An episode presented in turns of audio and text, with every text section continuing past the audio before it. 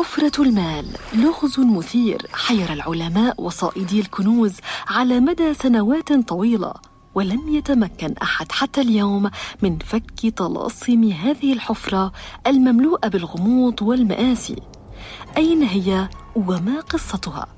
أهلا بكم في الحلقة الحادية عشرة من بودكاست مريب. أنا دعاء ضياء الدين وسأروي لكم الحكاية من البداية.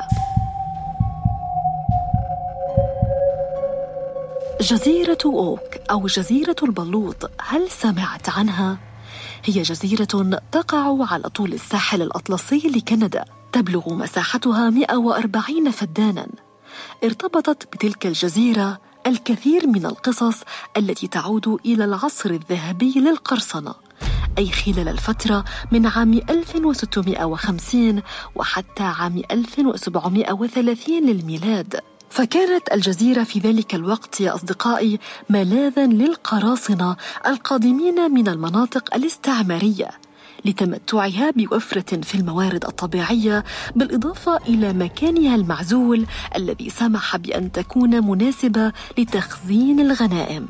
بدأت قصة هذه الحفرة في القرن الثامن عشر عندما ادعى شاب اسمه دانيال ماكجينيس أنه رأى أضواء غريبة في جزيرة أوك. وعندما ذهب ليتحقق من مصدرها وجد شجرة بلوط وقد تعلقت في أحد أغصانها بكرة لرفع الأثقال تعود لسفينة ما. فأيقن أنه يوجد أثر كنز مدفون لأحد القراصنة. سيطرت فكرة الكنز على دانيال ماكجينيس وتوجه لطلب المساعدة من صديقيه. وفي اليوم التالي ذهبوا بالفعل إلى الجزيرة وهم يحملون المعاول والمجارف وبدأوا بالحفر حتى وجدوا أنفسهم في نفق عمودي بعرض عشرة أمتار. حتى الآن لم يجدوا سوى قطع كبيرة من خشب البلوط فقاموا بإزاحته والاستمرار في الحفر على أمل أن يجدوا الصندوق الخشبي الضخم المملوء بالذهب والأحجار الكريمة. وفي عمق عشرين قدما وجدوا طبقة أخرى من خشب الأشجار ثم وجدوا طبقة ثالثة على عمق أكبر. وفي النهاية لم يجدوا شيئا. فأدركوا أن المهمة أكبر من قدرتهم وقرروا الاستسلام رغم أنهم مقتنعون بأن الكنز يبعد بضع أقدام عن متناول أيديهم. شاع خبر الحفرة في أرجاء الجزيرة وتوافد إليها الفضوليون وصائدو الكنوز من حول العالم على مدى سنوات.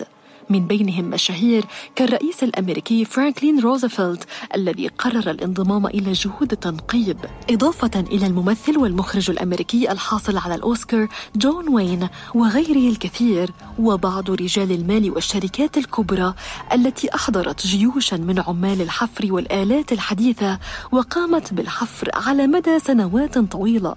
لكن كل هذه المحاولات باءت بالفشل. بالإضافة إلى خسائر في الأرواح.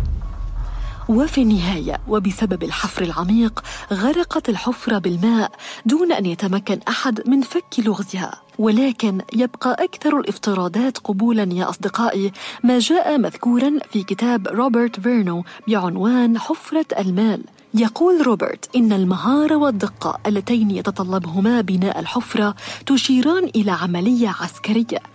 فالجيش لديه ما يحتاج من الرجال والمهندسين المهرة ليتموا مثل هذا المشروع وأن هذه الحفرة العميقة قد بنيت في عام 1780 عندما خسر الجيش البريطاني حرب الاستقلال الأمريكية فقام بوضع خطط للانسحاب السريع. وكان من المقرر حسب الخطة أن تتراجع الحامية العسكرية في نيويورك إلى هاليفاكس الكندية التي كانت تعد أقرب مستوطنة كبيرة لجزيرة البلوط. فصدرت أوامر عسكرية بإخفاء الخزائن الحربية ومن ضمنها مؤن المال والتي من المحتمل أن يكون الجيش قد استردها لاحقا دون أي دليل قاطع على كل هذه التفسيرات حتى يومنا هذا.